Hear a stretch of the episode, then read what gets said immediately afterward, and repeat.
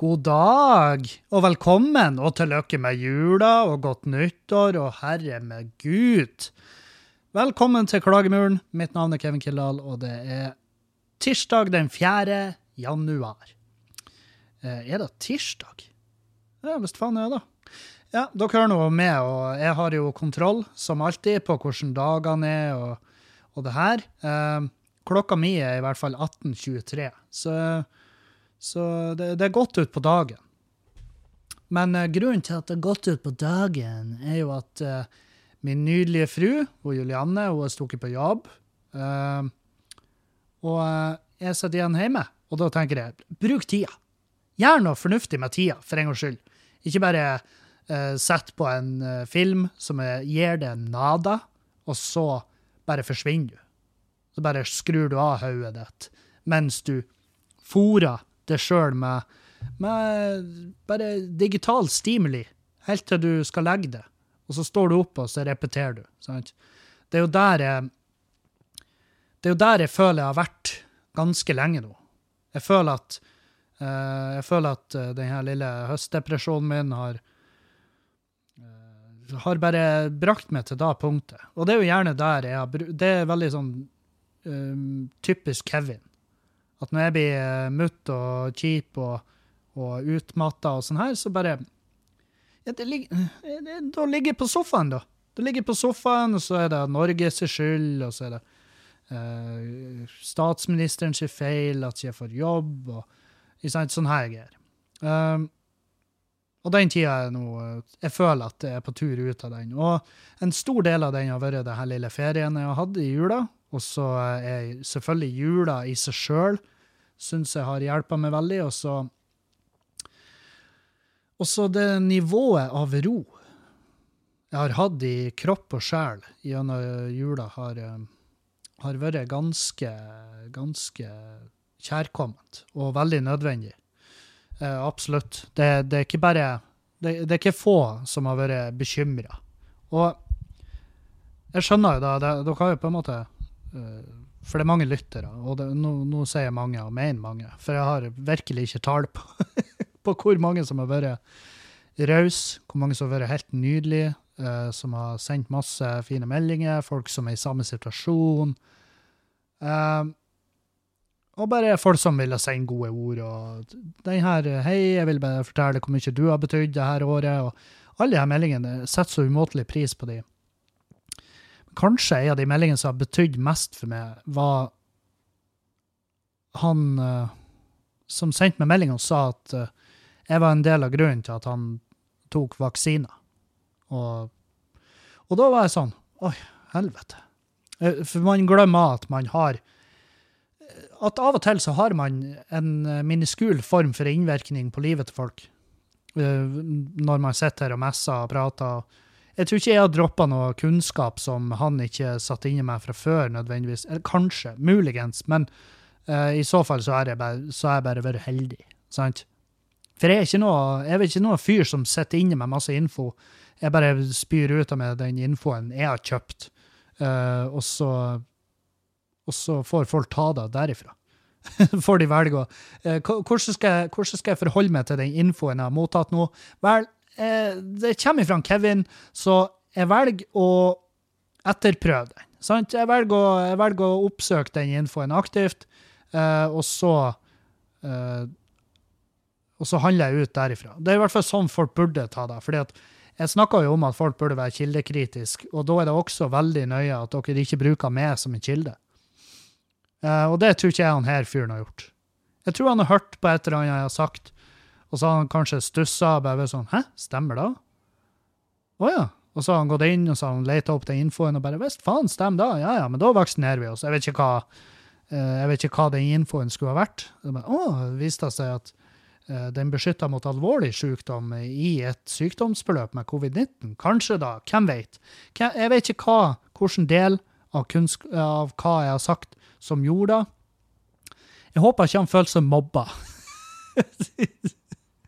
Jeg håper ikke han føler seg mobba til et sånt punkt der jeg er sånn uh, Ja, jeg vil ikke ha uvaksinerte folk på showene mine. Og det Ja, vil jeg jo ikke. Og, og jeg skal ikke si det for høyt, men eh, altså, nå har jo han Dag tatt den. Han Dag Sørås har tatt den støyten. Han har blitt kvota i, både VG og Nettavisen. Og har fått utdelt de drapstruslene og det standardgreiene man får når man går ut og egentlig hisser på seg i gruppa. Og jo mer marginal den gruppa er, jo mer illsint blir de. De blir altså så gjennomtrengende lynings. Og, og det er jo greit, fordi at jo mindre gruppa de er, og jo, eh, jo, altså jo mer oppi et hjørne du er, jo forba mer forbanna, jo mer vil du trø til i ditt forsvar. Og når du kjemper en krig over internett, så vil jo så vil jo trusler være et veldig sånn go to-forsvar der. fordi at uh, hvis du ikke har noen kilder å vise, vise til som faktisk uh, underbygger det du mener, og de få kildene du finner, hvis du faktisk går i hvis du går i detaljene der, så vil du etter hvert finne ut at oi, faen, kilden min er jo faktisk også uh, eh, også tidligere tvangsinnlagt, fordi at han mente at staten var ute etter han, eller, eller bare da at han sto naken og peiva med ei øks på torget. Du, du, du, vet jo aldri, men poenget mitt er at jo mer marginale grupper er, jo, jo mer typisk er det at de går den veien når de skal tale sin sak, fordi at man føler seg trua. Og det skjønner jeg. Men jeg, poenget mitt er at jeg vil ikke Jeg håper ingen har følt seg mobba inn i Og det er jo flere som har. Det er, jeg har sett flere av de kronikkene der jeg føler meg pressa til å ta vaksine. Ja, men det er jo fordi det er jo du og ti stykker igjen. Uh, og dere gjør det jævlig uh, vanskelig for oss andre. Så jeg prøver jo å holde den roen, sant? Og det er sånn Jeg har jo vært veldig stille i, i denne nedstenginga, og jeg ser de er ute og bare Å, det er viktig å poengtere at vi er ikke stengt ned. Jo, du, hei! Det er vi! Snakk for deg sjøl! Din jævla folkesubsidierte kuksuger, der du står med det ekle gliset ditt. Vi er stengt ned. Og jeg sier vi, og da snakker jeg om meg og de som jobber i lag med meg, og de som jobber for oss på Skubaret. Vi er stengt. Hva du er, det driter jeg i. Sant? Jeg har jo kjent på de her, og jeg har vært forbanna, og jeg har vært redd, og jeg har vært Men jeg bare tenkte, jeg tenkte først også, når de var sånn ja, nå må vi Alkoholsalget, det er nada, blir ikke lov. Så tenkte jeg faen, here we go. Og, og når jeg da leste liksom de sakene om at vi er stengt ned fordi at i løpet av hele pandemien så har vi ikke bygd Vi har ikke fått flere intensivplasser på sykehusene. Vi har faktisk fått færre. Og da blir jeg jo ganske sur, for da føler jeg at å ja, OK, men da er da er jo bare vi kanonføden. Sant? Det er jo det vi er. Og det er vi som blir ofra for at andre skal få leve. det er jo ganske det, Der er jo noen mellomstopp før den, før den tid kommer. Uh, jeg tror ikke det er sånn at om ti år uh, Hvis jeg da prater med ei kjerring som er 90 år da, om ti år, da vil hun være 80 år i dag. Ja, nei, det kommer seg, det hodet. Um, jeg tror ikke det er sånn at hvis jeg prater om en 90-åring om ti år, og så sier hun hva, du, hva du har gjort i løpet av livet ditt, så nei, jeg drev nå en pub, og vi drev, jeg, kjøpt, jeg og bestekompisen min vi tok faktisk over en pub like før koronaen. Og hun bare 'Å, herregud, var, dere, var du pubeier under koronaen?' Og jeg bare 'Ja, det var jeg'. Oh, thank you for your service. Jeg tror ikke det er sånn at jeg blir å få gratis kaffe, og jeg tror ikke jeg blir å få rabatter når jeg reiser, fordi at, eh, for det offeret vi har gjort. Og det føler jeg heller ikke er på sin plass, sjøl om det er jo, en, det er jo potensielt noe standup i det der at, at uh, Ja, for det er, jo, det er jo bare bestemt. På et eller annet punkt så er det blitt bestemt at det er vi som skal holde stengt og betale den prisen. Og da gidder ikke. Skjønner? For hvis det er én ting jeg har lært i løpet av denne pandemien Og jeg har lært ting i løpet av pandemien. Det er én ting jeg har lært, er at uh, ingen vil høre på sytet ditt annet enn media. altså, uh, veldig ofte når jeg syter om det i podkasten eller på Facebook-veggen min eller på Instagram, så er det også veldig typisk at, uh, at media får nyss i det, og så har de gjerne lyst til å quote eller bruke sånne her ting.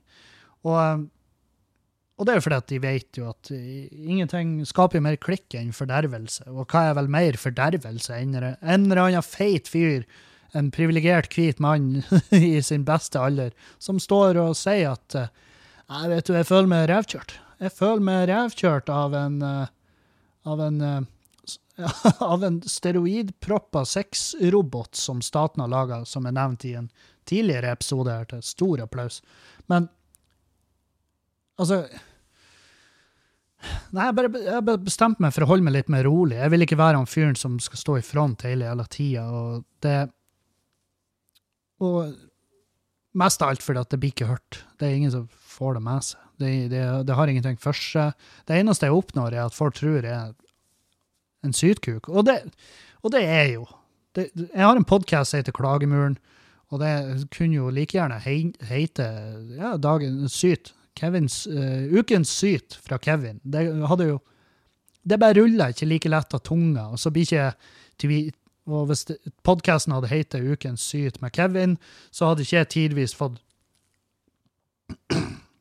Så hadde ikke jeg tidvis havna i fantastiske situasjoner Eh, med, med, et uhell. Sånn som den gangen den israelske ambassaden ringte meg og spurte om Hei, vil du ha Det, den Israels ambassadør i Norge, vil du ha han på besøk i podkasten din? Og jeg bare Hva i faen er det som skjer? Og de, de har jo sett bare navnet på podkasten min. Den heter Klagemuren, og det er noe de uh, klager til. det er jo en, er jo et, en Hva det heter en sånn pilegrimsdestinasjon. Uh, men i hvert fall, uh, det heter Klagemuren, og de tenkte her har vi jo en fellow sionist, og det er jo faen meg det. Jeg tenker tilbake på det, og jeg tenker at faen at jeg, at jeg frika ut der. Men jeg trodde jo det var en tulletelefon. Sant? Når de ringer meg, prater engelsk. I'm calling on behalf of the Israeli ambassador. Og jeg bare Ja, hvis faen gjør du da, din kuksuger? Er det du, Lars? Er det du? Sant? det, det, artigste er jo at jeg sa Are you fucking kidding me? På et tidspunkt der så sa jeg til hvem nå enn, hvor mange ledd du må ned før du finner han stakkars jævelen som måtte ringe med og spørre om at jeg ville ha ambassadøren som en gjest i podkasten. Men på et eller annet tidspunkt så sa jeg til han Are you fucking kidding me? Og da ble det faen meg så stille. Og han bare uh, No, you can check the phone number if you want to. Og jeg bare oh, I will. sa jeg bare. Og så sa jeg jeg må, jeg må ta kontakt, jeg må ringe dere opp igjen. Og så la jeg på, så sjekka jeg telefonnummeret og Vestpania ambassaden. Og jeg bare Hva i svarte satan er det som skjer? Jeg, og, og, jeg husker jeg skrev til han Dag Sørås, og han var sånn Det her er det mest absurde jeg har hørt i mitt liv. Han Dag ble sånn her Det her er simulasjonsteorien i, i effekt. Og, og jeg prøvde jo å ringe opp igjen, for jeg tenkte la oss gjøre det her. La oss prøve. Uh, og så tenkte jeg nei, ikke prøv. Nei, gi faen. Uh, så, men jeg prøvde jo å ringe opp igjen, bare for å få mer info og egentlig bare mer, uh, egentlig mer kjøtt på beina når jeg skulle fortelle om det i podkasten. Men da var det jo selvfølgelig en eller annen helligdag, uh, hellig tid, jeg vet faen, for, for, for de på ambassaden der. Så fikk, det var en telefonsvarer som sa noe om det. Og så, var, så jeg kom aldri gjennom, og så tenkte jeg det var kanskje for det beste. Det er nok uh, for det aller beste. Uh, for jeg er virkelig typen til å si nok til å hisse på med, og jeg vil ikke hisse på med en, uh, en diplomat. Det, det, er sånn Det er en dum plass å begynne.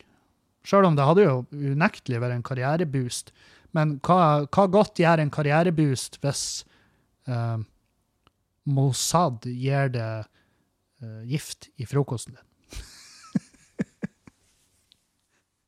jeg lurer på hva jeg måtte ha sagt i podkasten. La oss si jeg hadde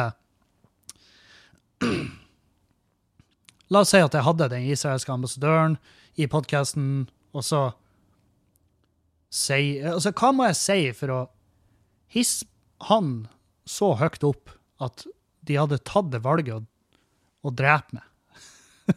hva, hva, må du si for at de skal ta seg tida til å gi kurare, eller hva nå enn de bruker, til en eh, feit podcaster fra Bodø, og, og skape en diplomatisk krise. Jeg vet ikke hva, men jeg, jeg, jeg tipper hvis noen skulle ha fått det til, så er det faen meg meg. Og jeg har jo gått ut som en legende hvis jeg hadde blitt han fyren som ble drept pga. at jeg gjorde en podkast med den israelske ambassadøren, men det er jo ikke akkurat Det er ikke, det er ikke min Det er ikke sånn jeg har tenkt å skrive meg inn i bøkene. Men eh, ja, poenget mitt er at jeg klager mye, sant? Jeg klager for mye, og det, jeg gidder ikke være han fyren. Så jeg bare har holdt, holdt meg lavt hele jula. Og, og det har vært deilig. Det har vært behov for det.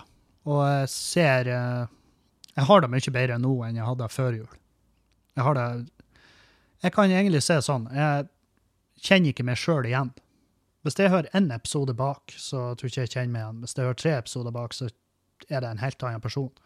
Um, og det her er jo de opp- og nedturene som de aller, aller, aller fleste menneskene skal uh, møte på i løpet av ja, er i hvert fall i løpet av ett punkt i livet sitt.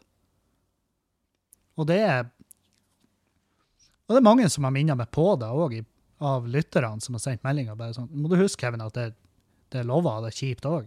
Og det er det. Det er kjempelov å ha det kjipt, og kjempelov å sitte og føle på det, og kjempelov å eh, Enda mer enn lov. Det er vel oppmuntra til å prate om. Det er det som er poenget mitt. At det, det må prates om. Og jeg vet såpass mye fra tidligere at jeg velger å ikke tie om det. Jeg velger å ikke holde det for meg sjøl. Sjøl om det kan gå litt for lenge imellom jeg kjenner etter. Hvordan har jeg det egentlig? Sant? For det er veldig typisk at og Nå vet jeg at jeg sier eh, sant veldig mye, men jeg, når, jeg, når jeg går løs på realitetene, så, så bruker jeg å av en eller annen grunn så avslutter jeg en setning med sant. Og det er jeg lei meg for. Jeg vet jeg har fått mye kjeft for det, men jeg prøver å ta tak i òg. Men nå har jeg en ganske lang liste over ting som skal tas tak i, så eh, la meg nå begynne i rett ende. OK. eh, hvordan, hvordan, har, eh, hvordan har jula vært? Siste episode var på lille julaften. Um, julaften ble feira i lag med Julianne. og svigermor. Hun heter Anne. Så det er, jul, det er Julianne uten Juli. Um, for et dumt poeng, Kevin. Uh, ingen blir flira da. Men i hvert fall, det er i hvert fall sånn de kom på navnet, tipper jeg.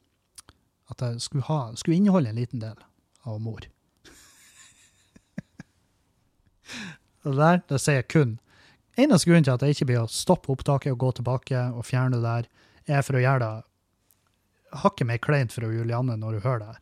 Men uansett, jeg feirer julaften i lag med de to, og eh, det var altså helt ypperlig. Helt nydelig julaften.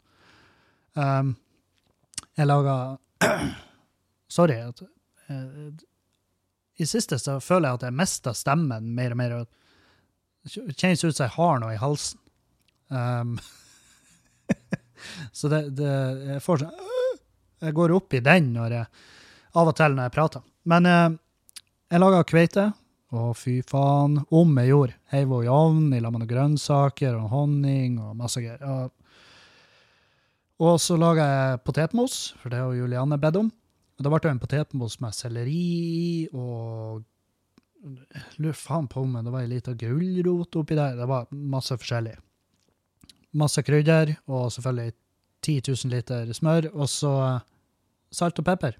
Og eh, potetmosen, det ble altså den store vinneren på den middagen der. Det var altså Folk kunne kommet inn og bare 'Å, herregud, du, den gåselevra, Kevin, den er jo den er jo presentert som et nydelig, nydelig lite selskap i seg sjøl, i Bocuse eller hvordan du uttaler den her kokkekonkurransen, og så kommer de og så kommer de bort til potetmosen min, som bare ligger henslengt i en, i, i, en bolle. I en bakebolle. Og så tar de seg skje av den, og så bare Fuck, den gåselevra. Faen, det her er jo helt fantastisk. Altså, det, var, det er artig hvordan tilbehøret ofte får Tilbehøret får ofte mye mer skryt enn resten av maten. Og det gjør meg ingenting, for jeg legger mye arbeid i tilbehøret òg. Jeg syns òg tilbehøret ofte kan være det beste. La oss være ærlige. Hvis du spiser hvis du, altså, I hvert fall meg, da. Hvis jeg spiser lutefisk, så må du bare vite. Hvis jeg sitter rundt et middagsbord i lag med og spiser lutefisk, så skal du se meg inn i øynene, og så skal du nikke til meg, for du vet at jeg er der for baconet. Sant? Jeg gir nå faen i den her, i den her ekle fisken du har rasert med. Å, ja, ja, det er spennende, for det er både det, er jo, har vi gjort tusen ting med for å få det til å lukte og smake mest mulig som gummi. og Her er det helt jævlig. Um, men i hvert fall. Vi spiste den kveitemiddagen, og, vi, og så, gikk vi, så holdt vi hendene, og så gikk vi i ring rundt potetmosen, og så, så pakka vi opp. Og så pakka vi opp gave, og svigermor hadde med seg gave. Så hun pakka opp i lag med oss. Og eh, det var altså det var så, så trivelig. Han, han snasker. Du kan bare ikke forestille hvor trivelig vi hadde. Og jeg fikk masse forskjellig. Jeg fikk en bio, fra min søster. Og den eh, har vi brukt så mye at vi er fri for sånn biobrennstoff. Og eh, så fikk jeg skjeggprodukter, og jeg fikk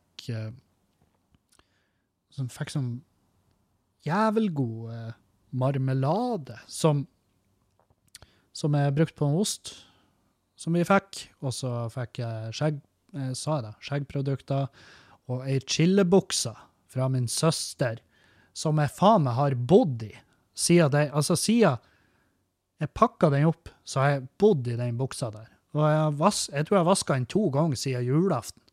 Og begge gangene så var det stort behov for den vasken. sant? Så jeg har brukt den.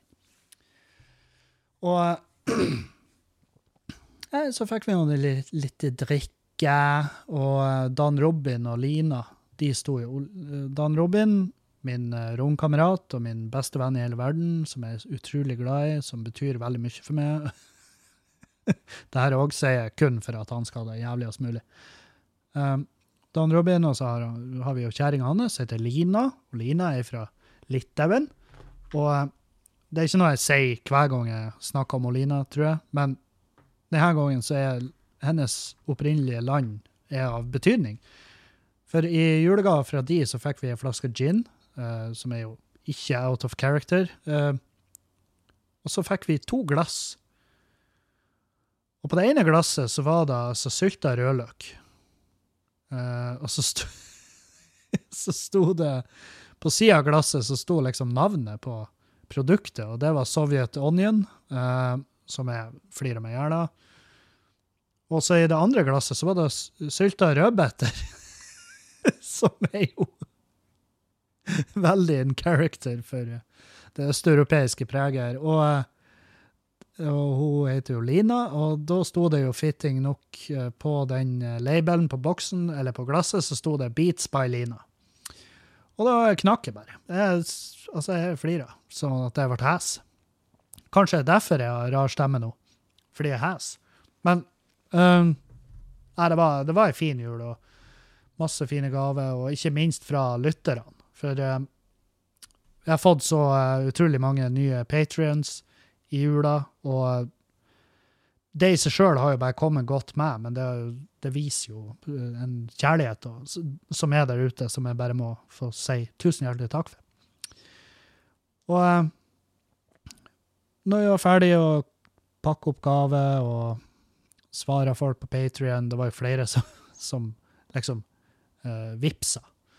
Så jeg måtte svare de, selvfølgelig, og som skulle jo bare mangle og sendte noen meldinger hit og dit. Så for svigermor hjem etter vi har pakka opp og kosa oss litt. Og jeg og Julianne, vi var Vi har drukket litt. Uh, og så drakk vi litt mer. Og så ble vi ble ganske pussa på julaften, jeg og hun i lag. Og, men vi gikk og la oss i sånn fornuftig tid. Fordi at vi skulle få et vennepar på besøk dagen etter, og, og det. Og uh, sto opp, superform, og vi visste at vi skal ikke rekke en drit. Ikke en jævla drit. Det er ingenting vi skal gjøre. Vi skal bare ta imot et vennepar når de kommer, og det er et vennepar som vi er så gode venner med, at om vi hadde Altså, det kunne ha sett ut i huset her Det kunne ha sett ut som at vi hadde vært utsatt for et raid, og de hadde ikke De hadde, de hadde kommet og kommentert at det var rotete her. Det hadde de. Fordi at det er som regel ryddig. Men de hadde ikke brydd seg. Sant? Om jeg hadde ligget henslengt naken på en divan her og spist druer ut av handa på, eh, på, en, på en ape, sant? og de har kommet inn, så hadde de vært sånn Har du fått en ape?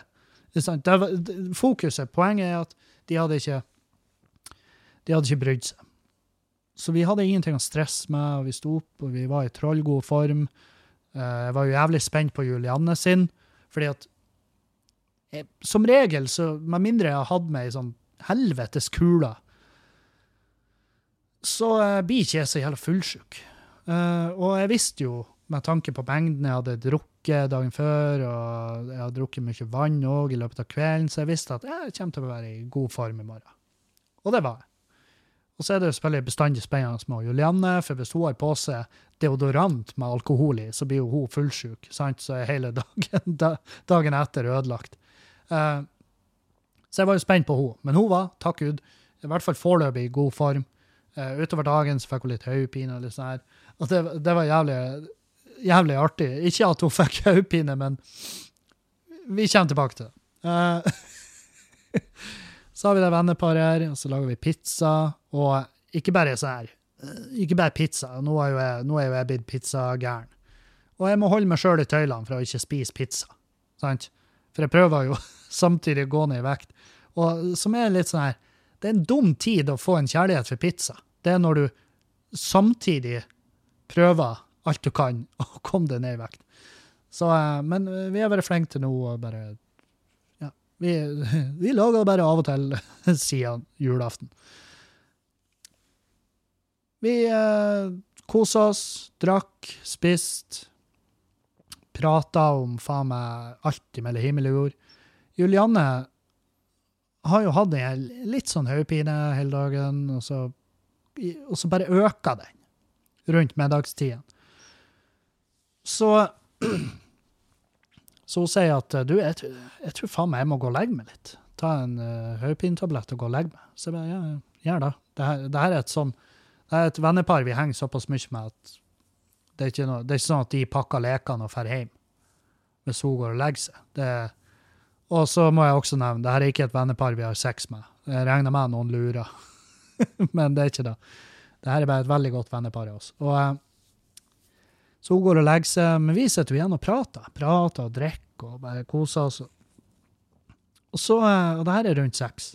Sekstida. 18.00. Jeg går opp i titida og vekker henne. For jeg tenkte Skal hun få noe ut av kvelden, og den e-buksen må jo ha kicka til nå, og, og, så vil jeg også, og så tenker jeg som om hun var et spedbarn. Jeg tenker sånn Nå må ikke jeg la henne sove. nå må ikke jeg la henne sove, for da står hun opp klokka fem i natt, og så blir det halloi. Sant? sånn der tenking. Så jeg gikk opp og vekket henne, og så sa du har lyst til å henge med oss. Vi, vi er fortsatt, liksom. Det, og det, kvelden er ikke over, og du har god tid. og hvis du har noe på agendaen, noe du ville ha sagt eller diskutert, eller sånn her. Og så er hun ja, hun er, hun er ikke ukjent for tanken, så hun er sånn her. Så spør hun meg Du er hvor, hvor full er du egentlig? Og, hvor full er dere egentlig? spurte hun. Og i det sekundet hun stiller det spørsmålet her, så blir jeg veldig sjølbevisst og da merka jeg på meg sjøl at herregud, Kevin, du er jo Du er jo fetta amøbe. Men det er jo for seint, for jeg har jo allerede bedt henne om å stå opp og komme ned og være i lag med oss. Og så er det jo Ja, men selvfølgelig, hva er det som driver han Kevin til å vekke Julianne? Etter hun har lagt seg, og spør om hun har lyst til å joine en fest. Jo, det er jo ingenting annet enn alkohol eller kokain som kunne ha gitt meg ballene til å vekke til å vekke henne midtsøvns og spørre om hun har lyst til å være med og feste. Så når hun da spør hvor fulle er dere, så må jo jeg ta stilling til da, Og da merker jeg at ja, jeg er mye fullere enn jeg trodde jeg var når jeg gikk opp. Jeg er faktisk eh, ikke langt unna å være sengeklar sjøl. Men hun sto nå opp, og jeg tok meg jo veldig, veldig i skinnet. Og jeg tror jeg nevnte det til de to andre som var i stua her òg. Jeg tror jeg sprang ned og så bare sånn Nå kommer Juliane, og da må vi huske at hun er kjempeædru. så, så, vi, så vi prøvde jo eh, så godt vi kunne, og, til oss deretter. Men eh, Nei, det var, så det var første juledag. Andre juledag så skulle vi jo spise middag hos min søster på Neverdal. Så da eh, og, og det skal jeg jo ærlig innrømme, at andre juledag så var det jo litt litt tøffere dag å stå opp. Og, men det gikk fint, det òg, og vi laga frokost, og så heiv vi oss i bilen. Vi heiv oss i bilen tidlig, for vi var sånn Ja, ja, middagsselskapet starta fem, men jeg har ikke lyst til å stresskjøre til Meløy, uh, spesielt ikke på vinterføre. Jeg hater å kjøre på vinterføre. Jeg bare begynner å Og nå er, jeg i den alderen at det gjør meg ingenting. Jeg kjører som en jævla hattekall, det er det vi kaller det i Meløy hattekall. Hvis du lå bak en bil som kjørte i 60-80 soner, så kunne du gjerne se gjennom bakruta at det var en gammel mann med en sånn hatt, sånn her uh, sixpence eller noe sånt. Og så visste du at ja, det hattekallet ligger bak, og han kjører akkurat sånn som han sjøl vil, og ikke sånn som de andre vil. Og uh, i mine yngre dager så var jo det en frustrasjonskilde. Mens nå i dag så er jeg en av de sjøl. Jeg er hattekall sjøl, og jeg har slått meg til ro med det.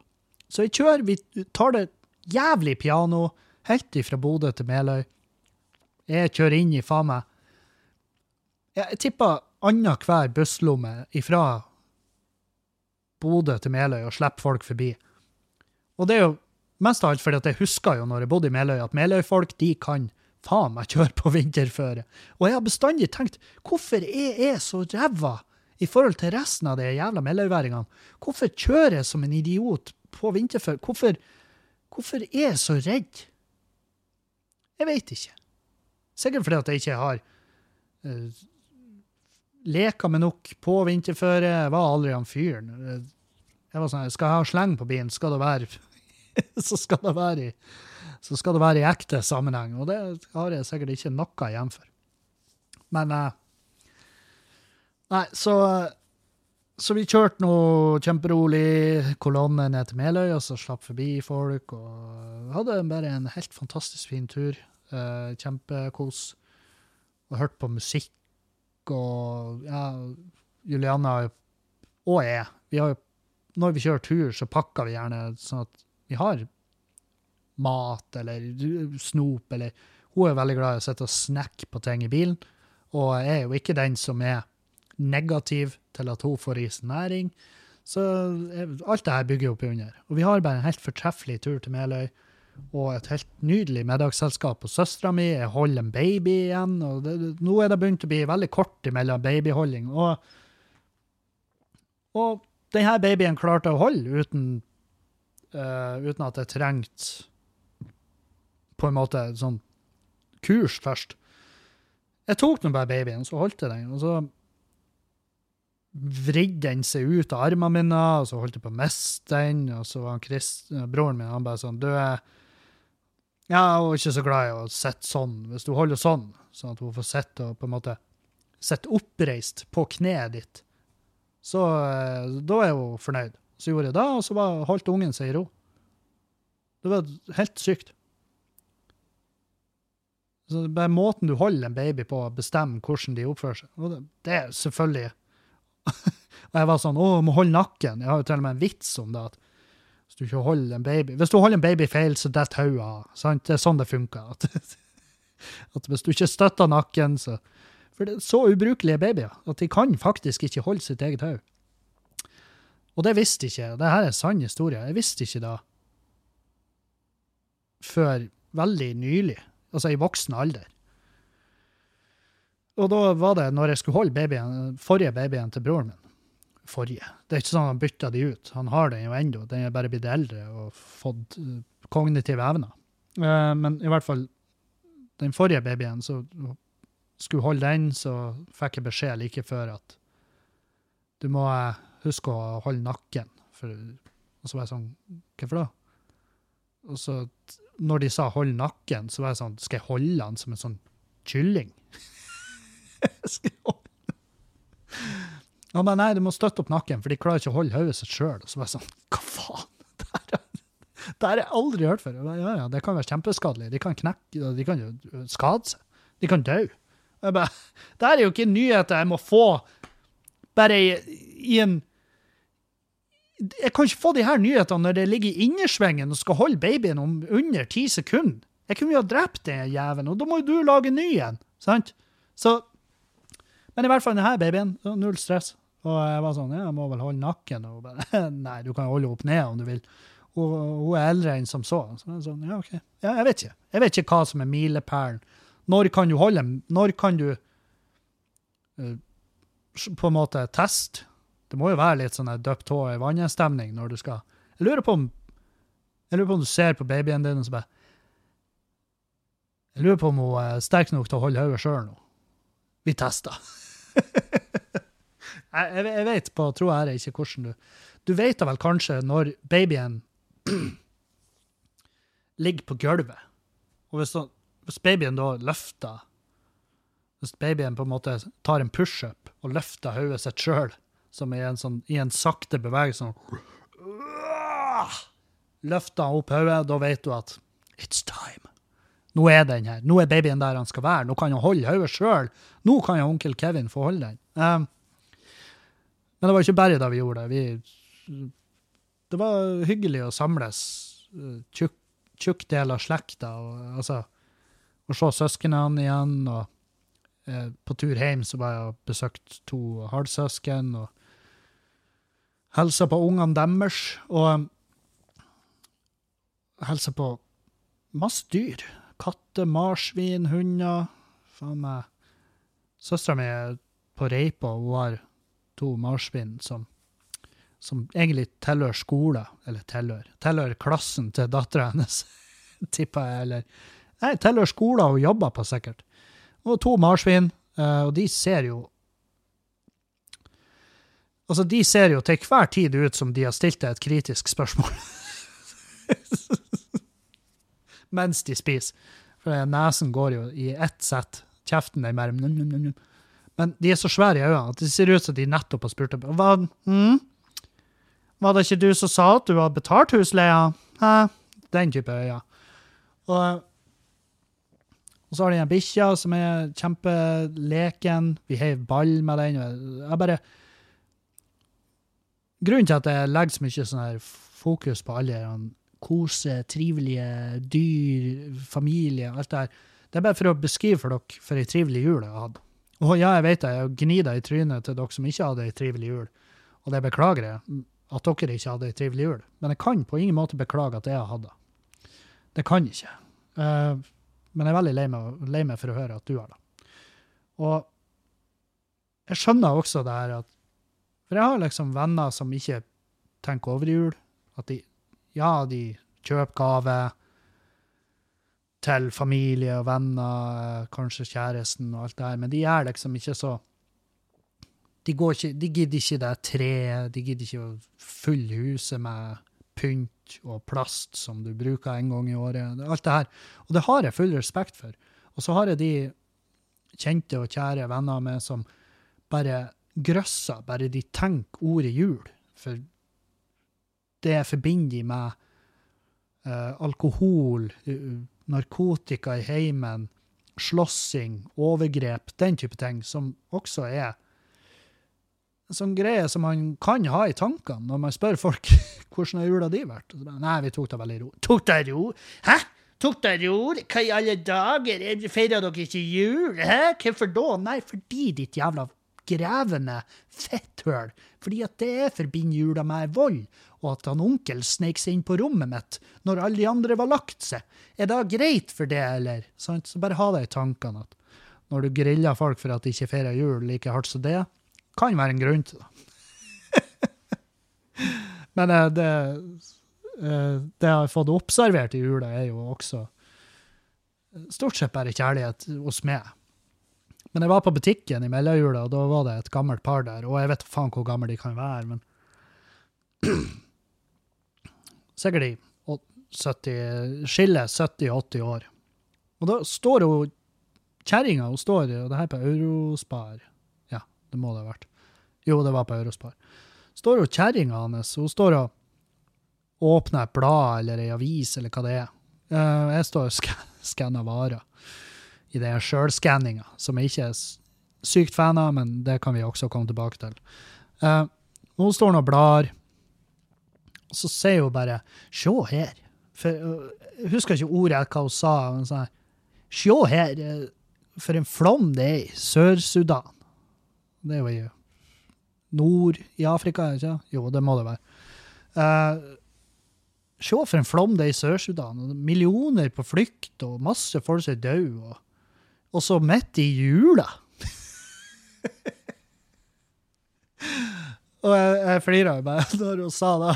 og så- midt i jula! Jeg bare, ja, det der skulle en trøkk.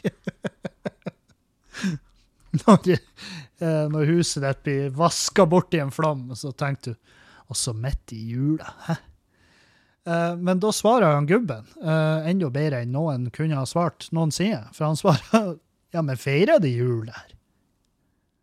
Og da sier hun nei, det var nå et poeng.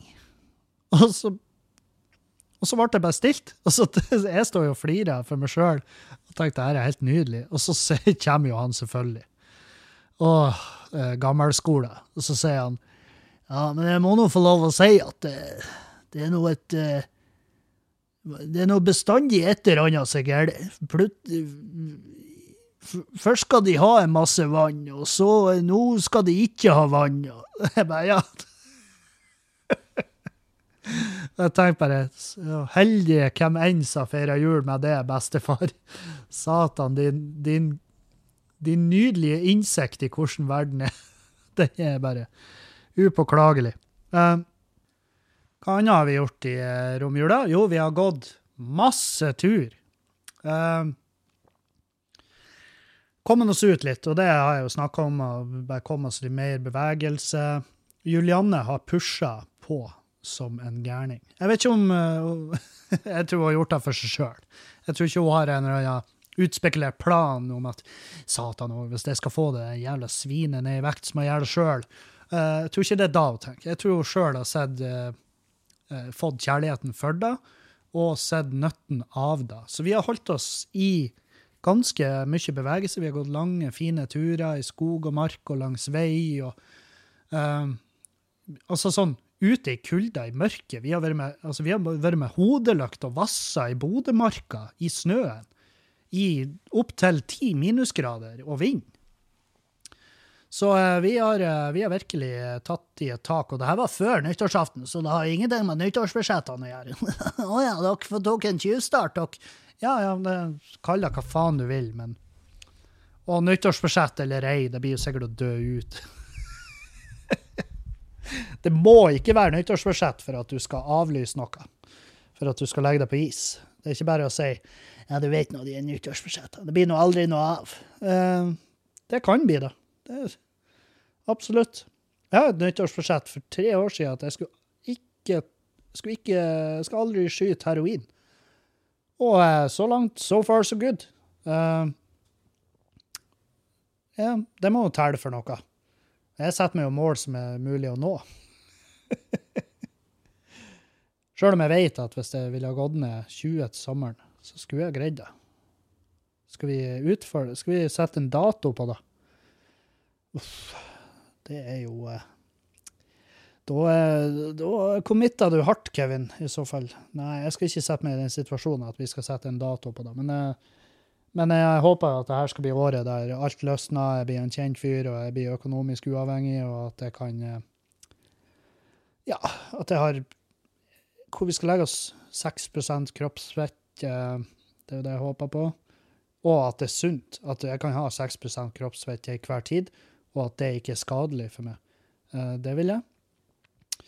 Jeg vil også eh, vil jo tro at dette er året der vi Når jeg sier økonomisk uavhengig, så, vil, så mener jeg at vi betaler huset. Ferdig med da i år. Veldig artig. Sett eh, 4. januar, og prater om å betale huset i, i løpet av et år. Uh, og 23.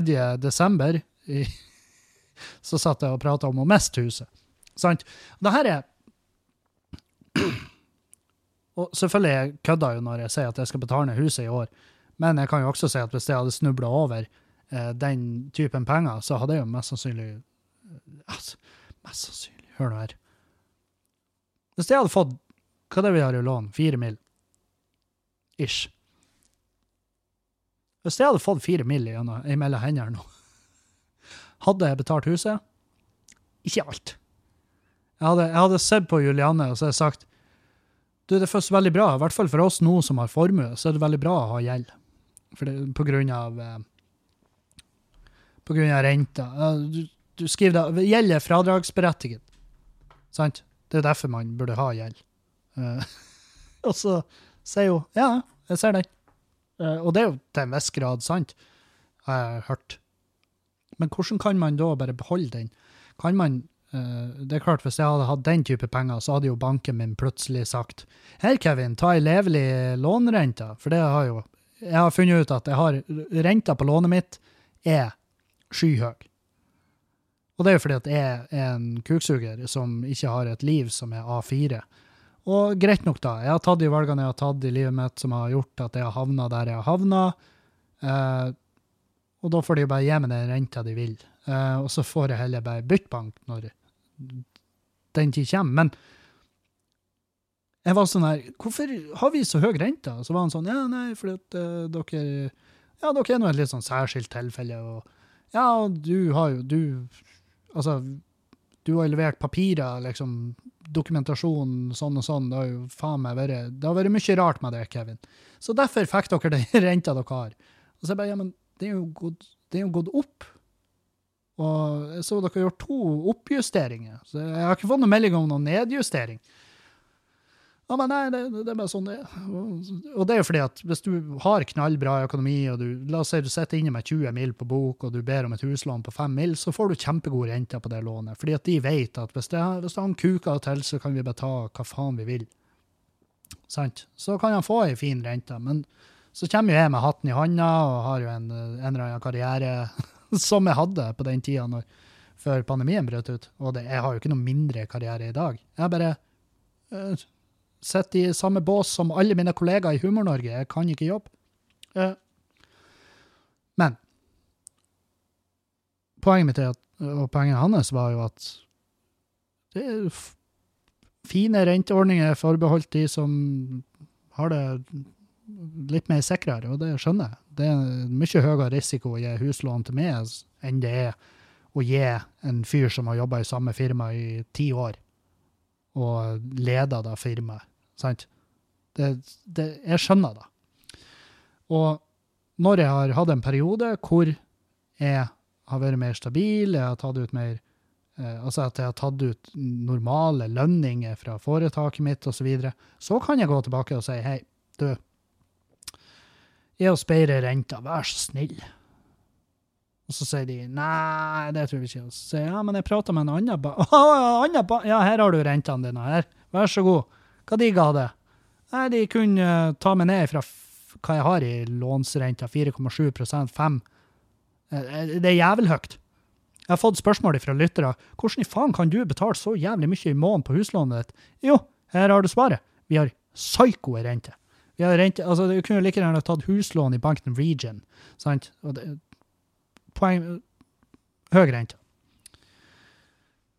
Så Og det er jo De selger jo. De selger jo et produkt. Jeg kan jo sette meg ned og hate banken så mye jeg vil, men jeg kan ikke hate banken, for de er jo et firma som gjør akkurat det firmaet skal gjøre, og det er å vokse og tjene, og, være, og et, en bank må være økonomisk stabil. En bank kan ikke bare hive rundt seg med midler sånn som de sjøl vil, for da til slutt så er det banken som er insolvent, og så går den konk, og så mister folk sparepengene sine. Jeg vet ikke om det er så enkelt, men hvis det er da, så skjønner jeg at de er strenge. Uh, men ja, akkurat nå så er renta der. Den tar jo fuckings livet av oss. Uh, så Men, men. Vi fikk betalings... Vi fikk, hør nå, og det er jo sikkert derfor renta mi er høy. Fordi at jeg har bedt om sånn er rentefritak. Eh, så vi fikk rentefritak i to måneder nå. Så tusen hjertelig takk til banken min eh, for, den, eh, for det pusterommet dere ga meg der, som jeg har bedt om ganske lenge. Men for nå er jo pandemien i gang igjen. Sant? For sist jeg spurte om sånn rentefritak, så var de sånn ja, Hva du snakker om? Pandemien er jo over. Jeg bare nei, det er han ikke. Se her. Se her på det papiret her. Det er min dokumentasjon på at pandemien foregår i aller beste velstand. Og de bare Dokumentasjon? Det der er jo bare et bilde av bankkontoen din. Jeg bare Ja, men ser du det nullet der? Det er null der, og det betyr at er ikke i arbeid. Og de bare Ja, ja, men for oss er pandemien over. Men nå er han i gang igjen. Takk Gud. For det, var tydeligvis det som skulle til for å få det rentefritaket, da.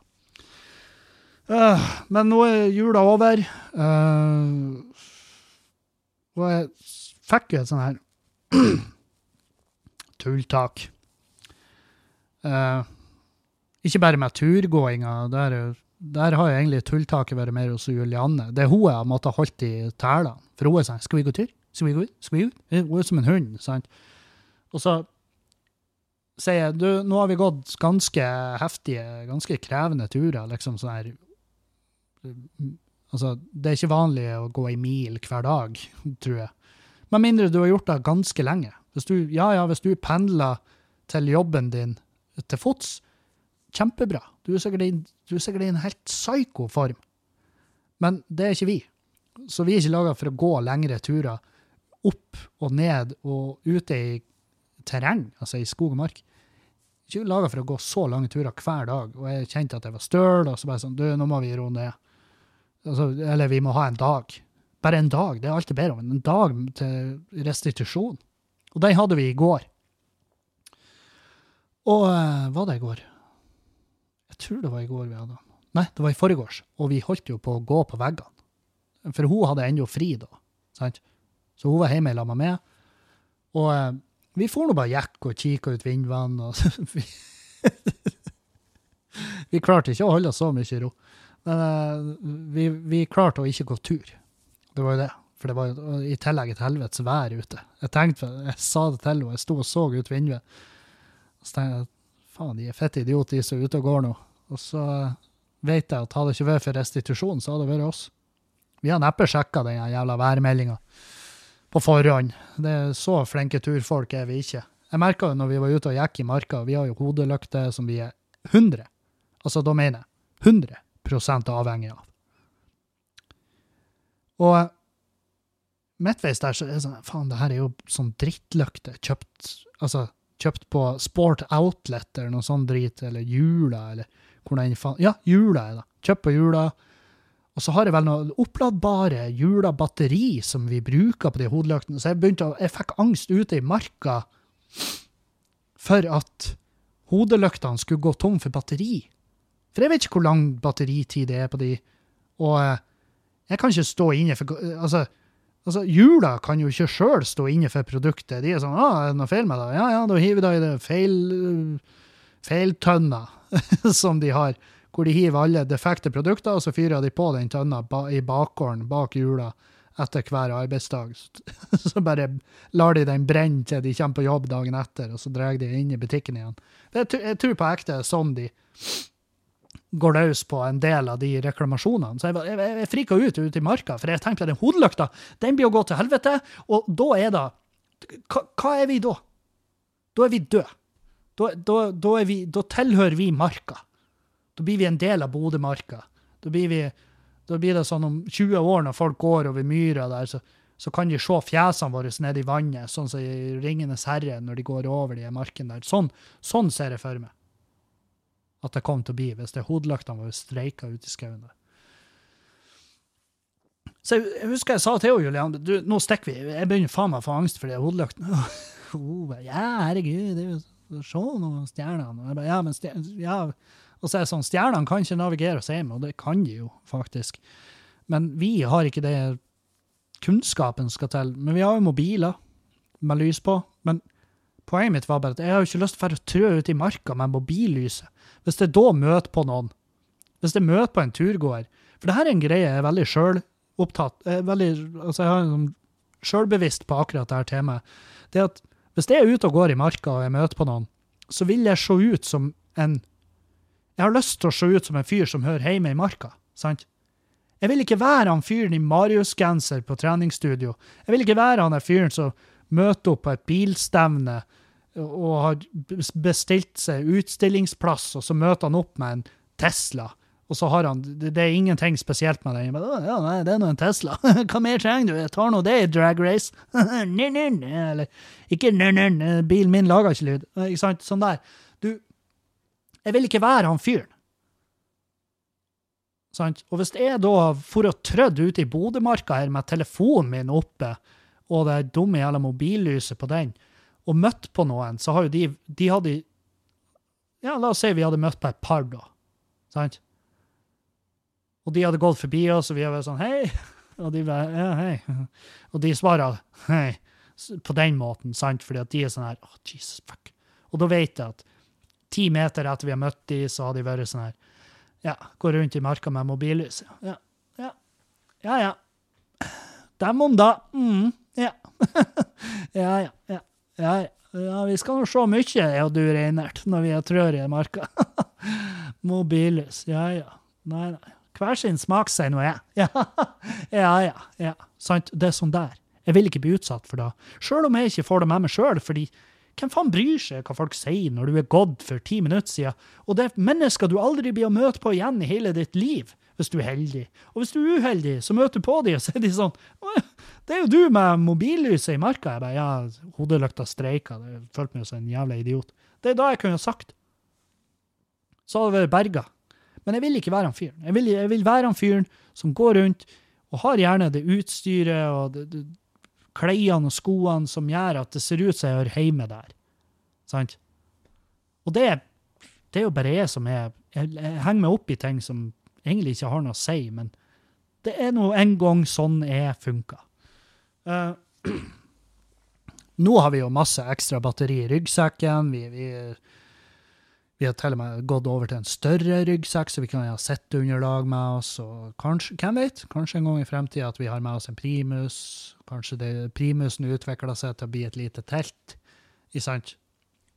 Hvem vet? Kanskje 2022 blir det året jeg kommer ut og får ei utenatt. Og da mener jeg villmarkslivnatt. At jeg ligger ute i et telt eller under, hvem vet, åpen himmel, sånn at eh, jeg kan potensielt bli spist av ja, bjørn og jerv og elg. Jeg vet faen. Men jeg vet ikke når jeg sa sist. Jeg lurer på om det var det året jeg starta podkasten at jeg sa at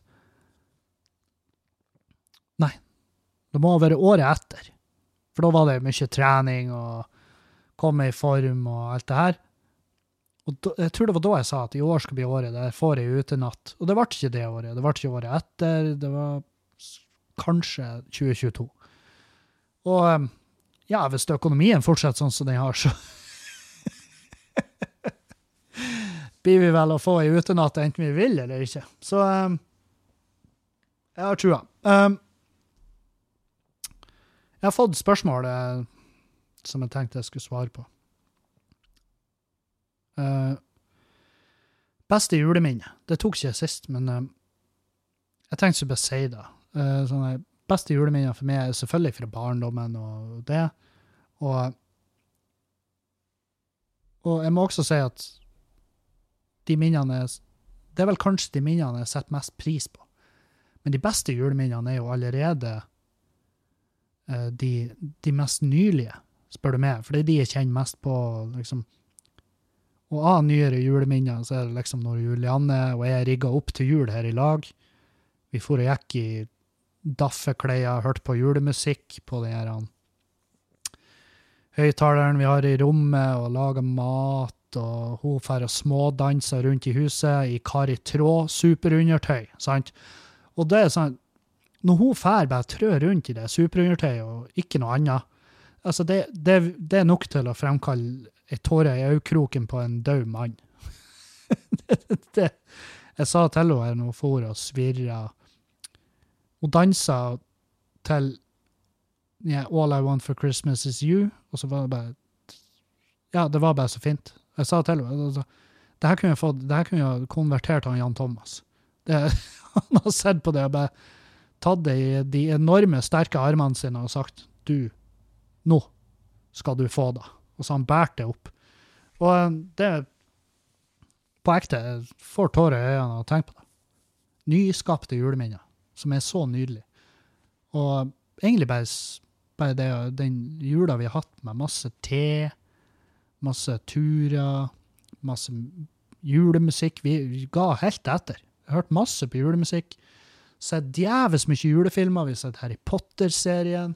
Jeg har sett en ny favorittjulefilm, A Boy Named Christmas. Eh, eller A Boy Called Christmas, tror jeg det var. Og, eh, så den kan jeg anbefale varmt. Uh, vi har også sett, jeg har sett Notting Hill for første gang i mitt liv.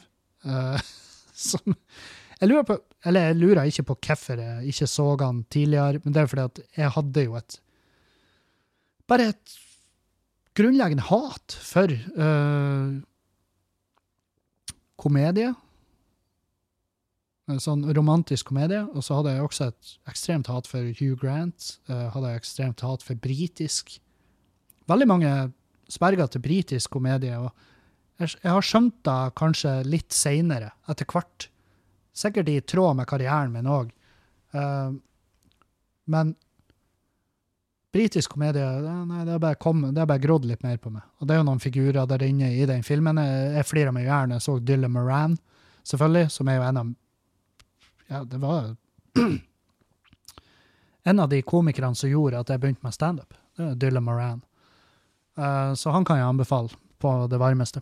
Men uh, ja, nei, vi har sett masse julefilmer. Jeg har uh, ligget bare på sofaen og bare pusta fullstendig ut. Jeg har meditert. Uh, Last ned til syvende og sist nå meditasjonsapp som heter Insight. uh, som foreløpig virker veldig bra. Er jo, er jo virkelig det du kan kalle for Jeg har meditert før, tidligere i, i mitt liv, men det er på en måte Jeg vet ikke.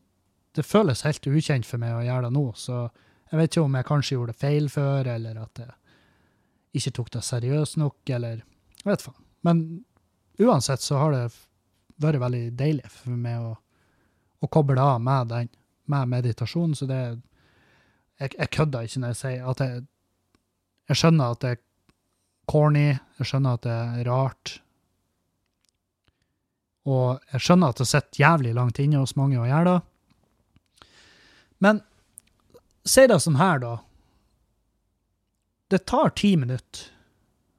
Det kan ta fem minutter, kan ta ti minutter, kan ta en halvtime, kan ta en time. Kan meditere i tolv timer om du vil. Jeg tviler på at du klarer, for det å bare skue, ligge i ro, eller sitte i ro, eller uansett hvor du mediterer, i ti minutter, kan være krevende. Kan være krevende, spesielt, og gjerne og Jeg skal ikke påstå at det her er min quote, men jeg så det bare på, på en kommentar der, eh, på den appen, så var det en som skrev at eh, hvis det, er krevende, hvis det er krevende for det å sette av 15 minutter for å meditere, hvis det er krevende for det, så er det enda større bevis på det behovet du har for å faktisk meditere. Og da, og det, den, sånn der logikk, det funka på meg, ass. Det, jeg kjøper det. Jeg kjøper det, og jeg spiser det rått, og jeg er veldig glad for at jeg har gjort det. Og jeg er veldig glad for at jeg er kommet i gang. Uh, og jeg føler at jeg har igjen for det allerede. Så, og det, dere hører det jo, garantert. Uh, men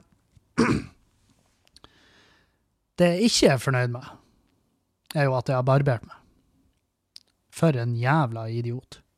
For jeg ser ut som ei pungrotte. Så Her er det som skjer. Uh, siste dagene før jeg barberte meg, så har jeg klødd Det klødde altså noe helt borti helvete fra skjegget. Og uh, jeg tenkte det her har jeg opplevd før.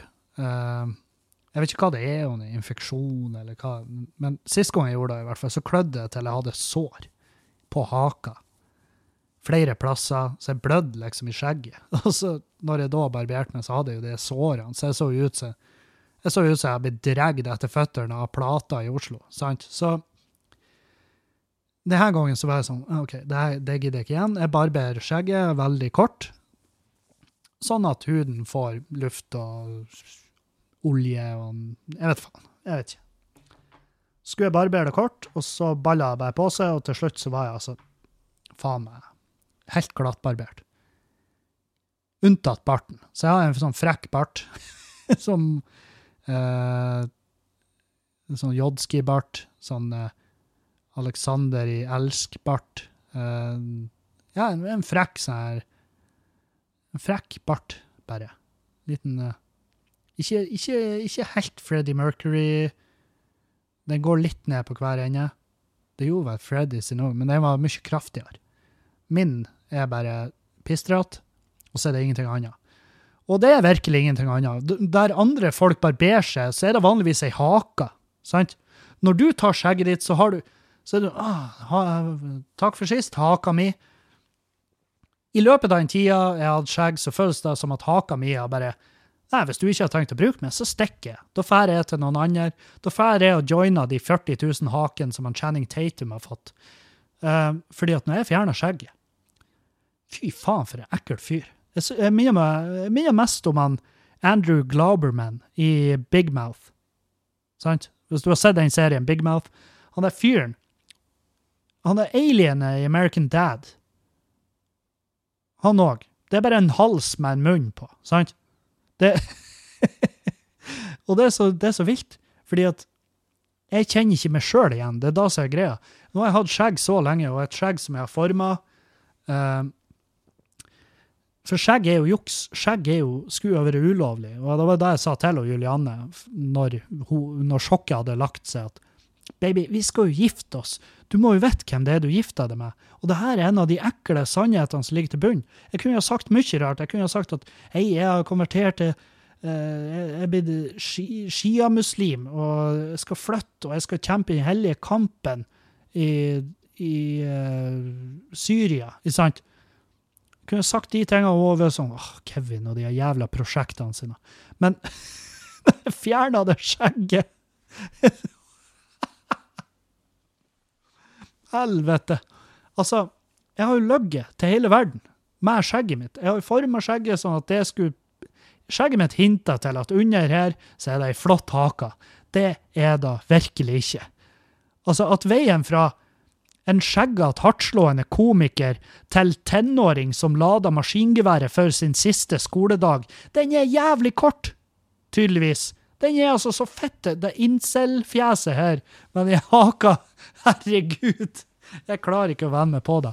Og det er da som er greia, det er at for en person som ikke vet hvem jeg er, og jeg kommer gående forbi den personen, så blir ikke de å tenke, de blir ikke å tenke på meg, de blir ikke å se meg, de blir ikke å legge merke til meg, med mindre jeg spenner krok på dem. Sant? Men for de som kjenner meg veldig godt, så er det jo uh, selvfølgelig natt og dag å se meg bare uten haka. De, 'Herregud, Kevin, har du vært i ulykka?' Nei, jeg har fjernet skjegget. Og det var jo ikke Jeg skulle ønske det var i ulykka, men det var jo ikke det. Det var jo bare jeg som fucka rundt, og så bare fikk jeg bunntenning. Og og for dere som ikke følger med på Instagram, så, så, eh, så Eller på Snap. Eh, for der ligger det en video av når og Julianne får se det her. Ja, en reaction-video. Um, og jeg tenkte jo da, for jeg barberte meg mens hun var på jobb, og det var ikke så lenge til hun skulle komme hjem. Og jeg og Dan drev på og fucka rundt. Um, liksom, jeg, jeg barberte litt og litt og litt, og så bare for å vise han Dan uh, de forskjellige mulighetene jeg hadde. Og Uh, ja, det var jo liksom Det var jo Smultregjengen, den var der. Litt sånn Tom Green-aktig. Uh, det var også Jeg kjørte jo også den her biker, den her Ja, hvor det er bare bart ned. Du har bart, og så går han ned langs kjeften, og så stopper han på, på kjevelinja. Den hadde litt sånn her West Coast Customs, eller hva de heter, de her de her jævlene som har et program hvor de pimper motorsykler. Um, men til slutt så tok jeg alt unntatt parten, og så bare sa jeg at her stoppa vi, tror jeg. Av en eller annen grunn skal jeg beholde den barten. Jeg må ha et eller annet. Uh, men så tok jeg på meg, da, for jeg og Julianne vi skulle jo rett ut og gå tur. Det var planen at vi skulle spise en liten matbit, og så skulle vi ut og gå tur.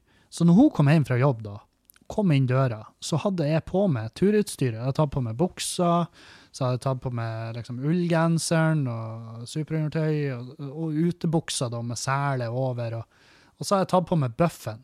Og så hadde jeg dratt bøffen opp over nesen, sånn at hun ikke skulle stusse på hvorfor har han bøff på seg. Så når hun kom inn døra, så, jeg, så kommer jeg ut i gangen med 'Vi skal gå tur!'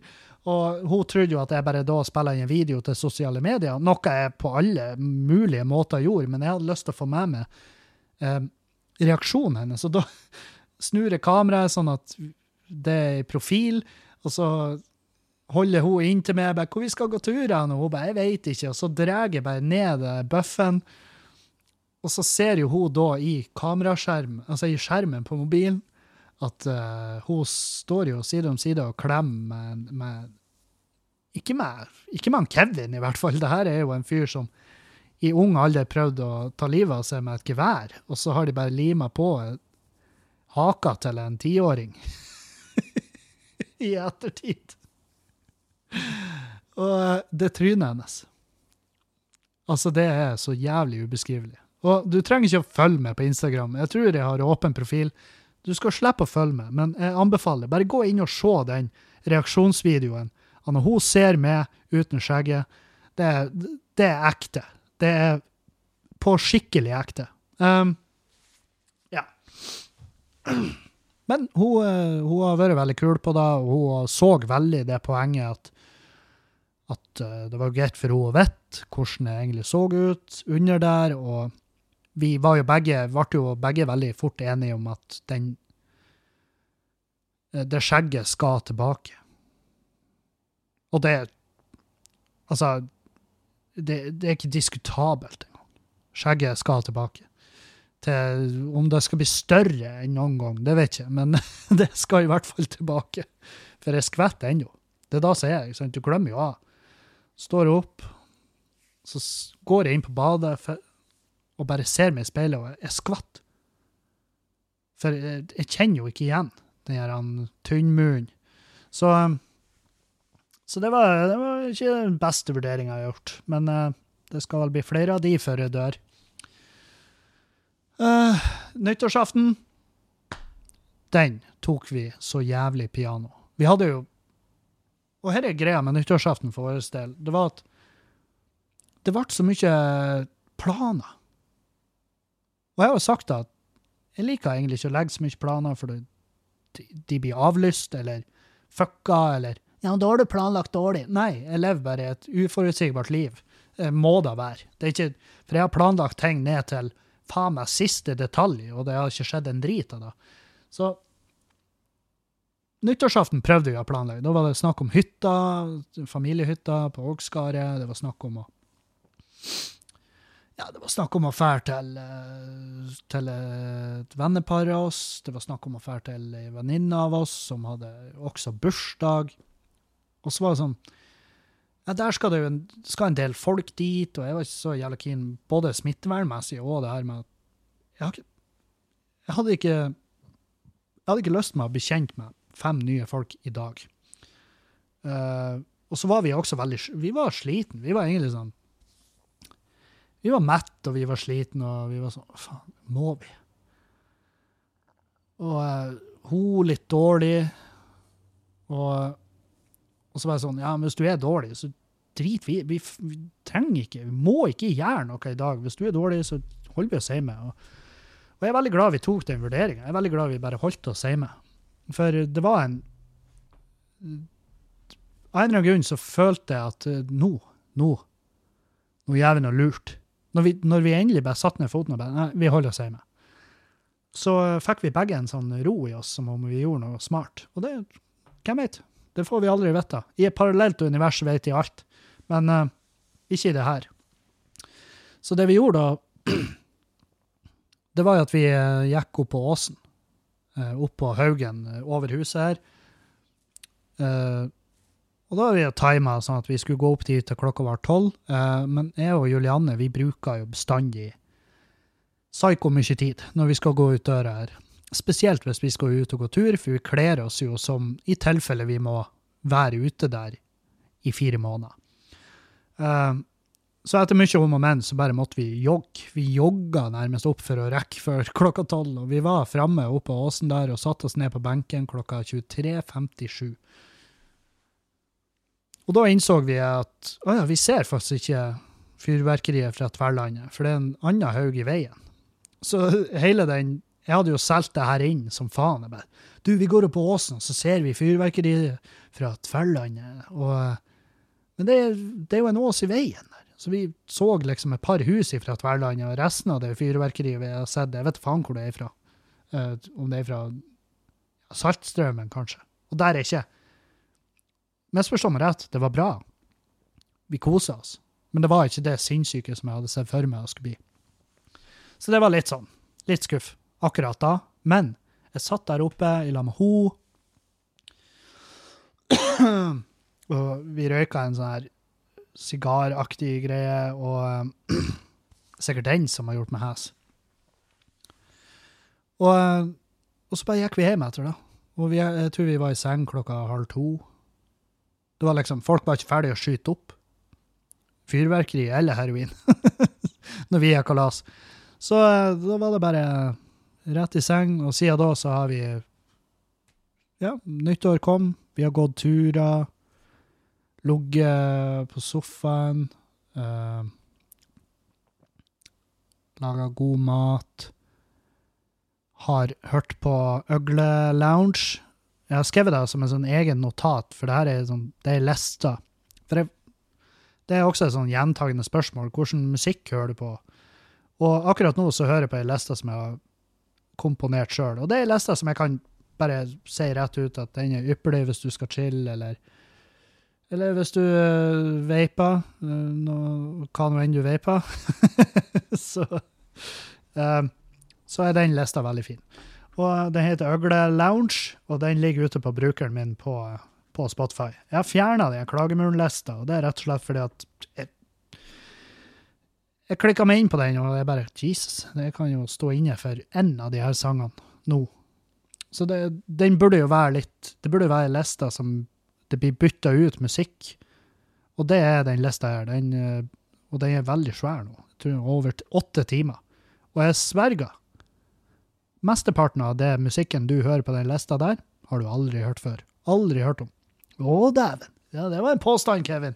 Ja, men jeg tror det på ekte, for jeg har ikke hørt om noen av de artistene omtrent. Så ja.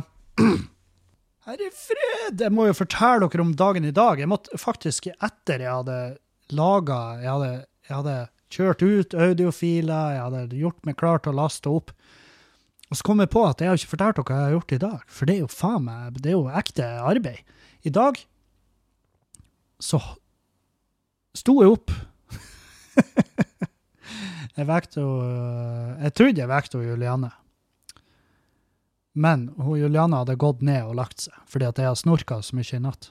Så hun hadde gått ned og lagt seg på sofaen, og La oss det sånn, i natt så er jeg delegert til uh, gjesterommet, så nå er vi uh, tilbake til kollektivstemninga her, hvor jeg, ja, jeg og hun vi bor i samme kollektiv, og av og til så passer det, og så har vi sex, og vi er forlova. Vi eier det huset her i lag, men vi skal sove på forskjellige rom. Og det er helt greit, for hun må jo faktisk få lov å sove. Så, uh, og så får heller jeg håpe at den snorkinga blir mindre av etter hvert som jeg går ned i vekt, og det gjorde det sist. For alle er enige. Alle som har sovet i lag med meg, er enige om at jeg sover mye, mer, uh, mye mindre snorking nå enn for bare noen år siden. Så uh, Men i dag sto opp. Trodde jeg snakka med Julianne, lå og strøk på henne, men det var jo dyna hennes. så gikk jeg ned, vekket henne en gang til. Uh, og da Ja, hun har jo ikke sovet like godt som meg, da åpenbart. Uh, så litt, litt uh, være, være morgenhumør der. Og det er jeg jo også vant til. Men uh, vi har jo lova Eller lova Vi har jo sagt ja til å være med og klatre.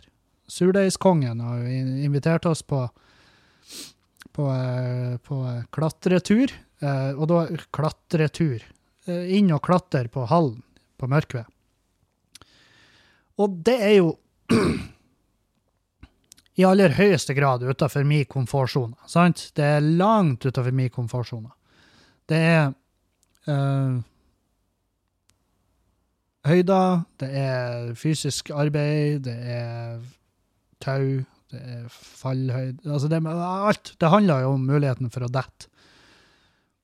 Og, uh, og vi for bortover i titida i morges, da Surdeigskongen var fettegira, og han er, han er jo gira til hver tid. Han er jo bare en gladlaks, og det, kanskje det liker man. Uh, blant andre ting. Han er jo først og fremst jævlig trivelig. Så pusher han. Han pusher, han er masa, og det er bare like greit. For hvis det ikke blir masa på, så er det ikke like ofte jeg gjør de tingene jeg burde ha gjort. Vi drar bortover. Han uh, booka oss inn der, og det er altså faen meg så svært. Det er så høyt. Og jeg er ikke noe glad i høgda. Så jeg skjønner Faen, skal vi oppi her og gjøre? Og, og eh, det falt virkelig i smak. Det var kjempeartig. Vi kosa oss som faen. Uh, jeg fikk virkelig utfordra det her høgdebeistet og litt det her, for det er sånn auto faen de heter for noe? Ja, det er sånn fallblokker, da. Så du kobler det på med ei reim, og så kan Altså, den kan ikke slippe det. Det, går, det er masse mekanismer der som sørger for at det ikke skal skje. Og så og, og den strammer seg jo etter hvert som du klatrer i veggen. Så når du er på toppen, så bare, skal du bare slippe taket. Men de sier jo da at det er mange folk som Altså, de har opplevd at uh, folk har blitt stående i veggen. og det jeg, jeg, tenkte jo på det når jeg kom inn der. men Det står en lift midt inne i rommet her. Og så tenkte jeg, hva de, gjør de noe arbeid? Og det gjør de vel sikkert fra tid til annen, at de er og strammer over de boltene og så. Og så tror jeg også at de må hente ned en og annen person. det, det, tror jeg. Eh, og hun sa da at det var, det var folk som hadde, stopp, altså som hadde ikke greid å slippe seg opp på toppen der, og så må de klatre ned igjen. Og det, og det er for så vidt greit. Altså Om de må klatre ned igjen, det er jo tungt, selvfølgelig, men det og blir det for tungt, så mister du taket, og da kommer du jo ned i form av den fallblokka som heiser det sakte ned. Men det er ikke noe godt, det er ikke noe deilig i den følelsen der, for du har et nanosekund du er vektløs, og det er ikke noe artig. Så, så det, det, er litt sånn Men der tror jeg egentlig bare teknikk og, og det å venne seg på det. Så jeg, jeg klatra flere turer hvor jeg bare slapp meg løs tidlig bare for å kjenne på den følelsen av å slippe løs. Så Så eh, pusha Tore meg opp i en sånn vegg, og da skulle jeg klatre med topptau. Og det er jo noe som du møter på, forhåpentligvis, hvis du har klatra ute i naturen. Så har du gjerne noen løyper som er lagt opp, og så Jeg vet faen. Jeg vet ikke, for å være helt ærlig. Vanligvis når du klatrer ute i naturen, hvis du klatrer der det er lagt opp for klatring, så har du jo karabinkroker og sånne her øyebolter i fjellveggen, så du hekter det på etter hvert, sånn at du har sikkerheten på, på stell. Uh, med mindre du friklatrer og er fett idiot.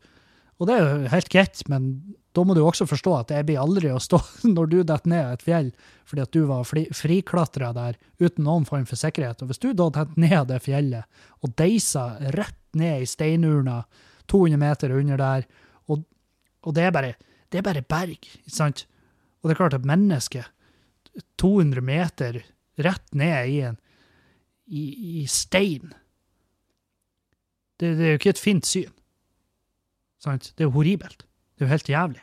Men du må forstå at hvis du gjør det der når du har friklatra, så blir ikke jeg å være den som står og sier å, det her var en tragedie. Nei, han friklatra. det er ikke en tragedie.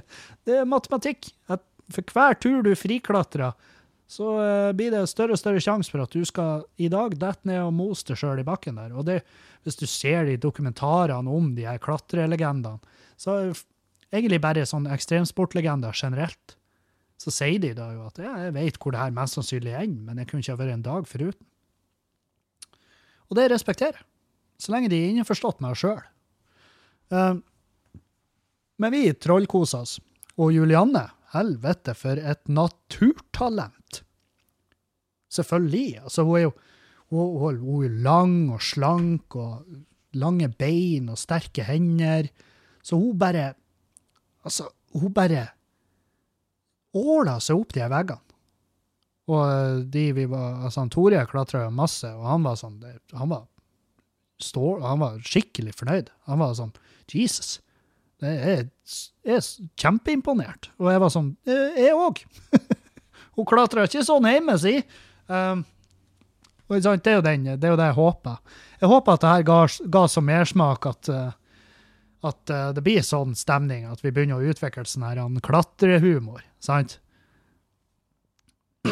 Og at det blir en sånn her hardbanka jævel som sitter på pub og hører ungdommen snakke. Og, jeg har gjort det her og det her ekstremsporten, og så skal jeg sitte her og bare Ja, det er det der du kaller ekstremsport. Jeg har drevet med klatring i 20 år, og jeg skal fortelle en ting, unge mann. At du er aldri så fokusert som når du henger oppe i veggen. 15 meter. Rett opp og du kjenner at fingrene dine begynner å gjete, og du veit Du veit at hvis de er etter, så er det 15 meter rett ned i den tjukkasen som ligger på det gymgulvet jeg skal bli han fyren, sant? Jeg skal være han fyren som sitter inne med masse sånn der eh, superklein klatrehumor. Eh, men ja, jeg vet ikke. Det er umulig å si hvor hvor godt det her blir å feste seg. Men uh, at, det, at, det, blir flere ganger, ja, absolutt. Spesielt med tanke på Julianne. Faen, hun mollkosa seg, og hun bare tok det der så naturlig. Og jeg så da på måten hun jeg så det på måten hun planla løypa si opp gjennom veggen. Jeg høres jo allerede ut som en fagfyr, men det tar ikke så lang tid før at du skjønner uh, en del av det her som er klatring. Der er selvfølgelig uendelig mye erfaringer og teknikk som jeg ennå ikke vet noe om. Men en ting jeg skjønner, er at underveis så må du stoppe, og så må du gjerne se hvor er neste tak? Og hvordan skal jeg ta neste tak etter der igjen? For plutselig står du med foten feil og har vekta på uh, disponert helt feil. sant? Og det så jeg hun hadde bare fra starten av. Og måten hun flytta vekta si fra en fot til annen og svinga hofta og og armer og albuer og sånn der, bare for å gjøre for å gjøre den klatringa mest energiøkonomisk, og at hun faktisk skulle nå målet sitt. ikke sant? Så eh, Nei, det der det tok hun jævelsnapt.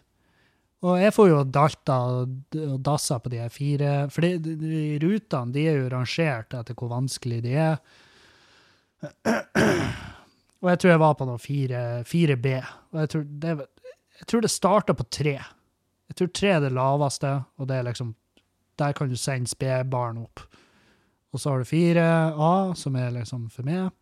Så 4B, litt heftigere. Jeg tror Julianne var opp.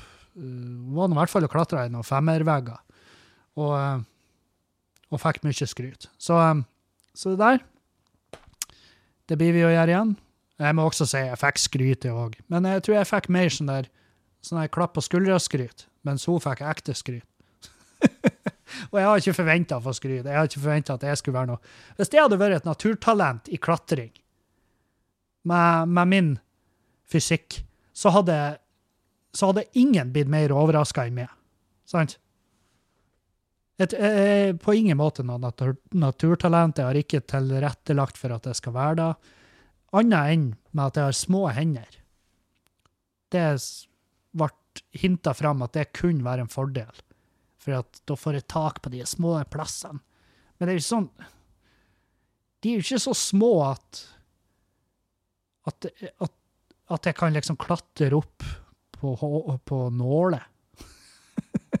det er jo ikke Det er ikke sånn det er.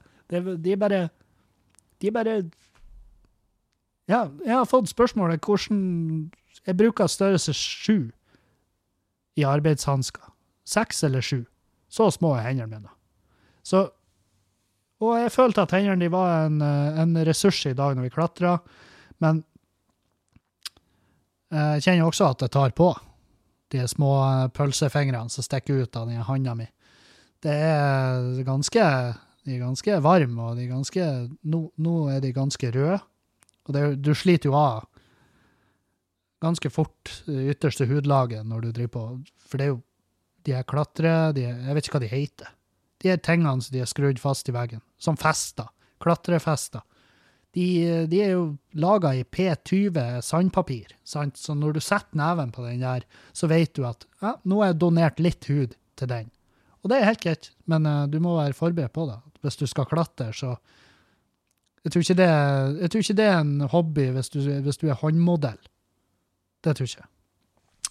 Sånn, da har dere fått min uh, lille oppdatering uh, der.